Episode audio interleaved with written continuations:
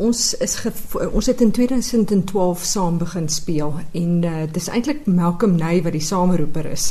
Ek en hy het al in ander groepe ook gespeel met ander celliste, maar ons uh, laaste cellist het, toe in uh, oorsee geëmigreer en toe sê hy vir my maar hier is 'n cellist Magic Watsney, hy's 'n pool en hy uh, wil baie graag en ons ons wil graag saam met hom speel. En dit ons nou begin saam speel van 2012 af. En sover gaan dit baie goed. Ons geniet dit baie om saam te oefen. Ons is 'n baie dinamiese groep.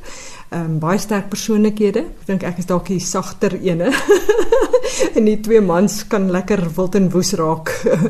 en maar maar op die ou end is dit dan ook nou elemente wat juis ek dink eh, met die musiek baie goed saamwerk want dit bring geweldige intense belewenis mee. Ons is uh ehm um, jy weet ek dink as ons op die verhoog kom dan spat die vonke op 'n goeie manier.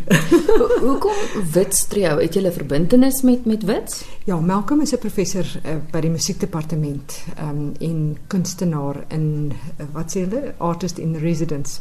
Uh in in daarom word dit ook Wits trio genoem want ons gee ook elke jaar vir die universiteit 'n uh, konsert by die uitreem. En dis ook wat ons nou juis hierdie jaar weer doen.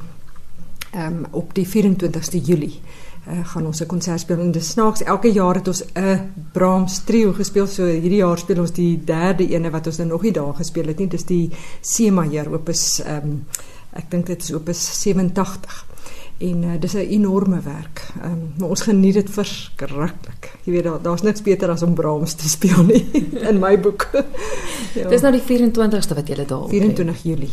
Ja. Goed. Voor dit gaan jy Bloemfontein toe. Ja, ons is in Bloemfontein die 13de en die 15de Julie by die fees en nou uh, uh op die 4de en 6de Julie speel ons by die Nasionale Kunstefees in Graamsstad. So in Graamsstad gaan ons uh al drie die Brahms trio speel. Ons speel twee trios in die een konsert en dan die tweede konsert doen ons een vioolsonate die D mineur uh en die E mineur um cello sonate en ons eindig dan met die C majeur uh trio. So ek dink die gehore in Graamsstad kan kan eintlik uitsien na uh, spesiale konserte. Hoe besluit julle op die repertorium vir 'n konsert? Ehm um, dis 'n goeie vraag. Mens kyk maar na wat jy self graag wil speel. Jy weet dit het baie te doen met die ontwikkeling van die groep as 'n een eenheid en hoe jy jou identiteit vestig in die repertorium. Dit klink nou baie hoogdrawend, maar dit is ek dink hoe dit is en en wat jy dan graag wil speel. Ek dink ons ons het om een of ander rede geweldige affiniteit na vir Brahms on, onmiddellik gehad. Ehm um, ek dink Malcolm is ook 'n baie goeie Brahms speler. Die, die pianis is, is so belangrik in so 'n groep, jy weet, dis die klavierparte is enorm. En ehm um, ek dink ons klank werk goed daarmee, maar ons het ook al Schubert gedoen. Ons is baie lief vir Schubert. Ons het ook Zaidel Rudolph se trio gedoen. So ons jy weet daar daar's 'n verskeidenheid werke om te speel. En ehm um, dit vat lank om deur al hierdie werke te kom. So gelukkig, jy weet, kan hopelik het 'n mens tyd om dit alles te kan beleef en te kan inoefen. Uit die aard van die saak speel die gehoor 'n belangrike rol, maar hoe belangrik in die kies van die repertorium eh, waag mens partykeer om hulle bekend te stel aan goed wat vir hulle dalk vreemd is of gaan mens met die geliefde bekende werke? Ja, ek dink dit is die grootste ehm um, dilemma vir 'n musikant want ehm um, presies daai ding van dat jy wil graag vir mense gee dit wat hulle van hou en mense hou gewoonlik van dit wat hulle ken. Mm.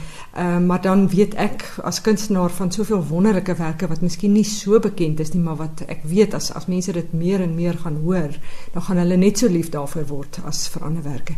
So ag maar jy weet, ek dink ehm um, mense wat in klassieke musiek belangstel, is gewoonlik mense wat bereid is om daarna te gaan luister en 'n bietjie, jy moet mos maar 'n bietjie tyd en en 'n bietjie werk insit om regtig klassieke musiek te kan verstaan. Mm. Ons dis gewoonlik mos maar 'n kind wat begin daarmee in die huis wat dit hoor op 'n Sondagoggend met Fanny Smit se program. Jy weet en en so bou jy 'n eintlik 'n oor vir klassieke musiek.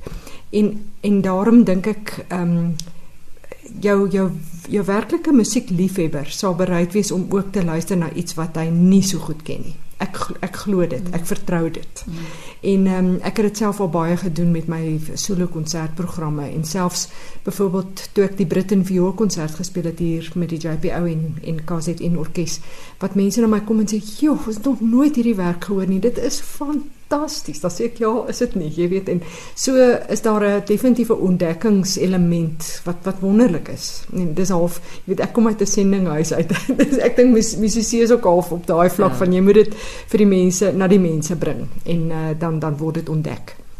Ons het nou gesels oor julle konserte in Julie maand, maar hoe maak luisteraars? Ek het nou aan die begin genoem julle tree regtig gereeld op.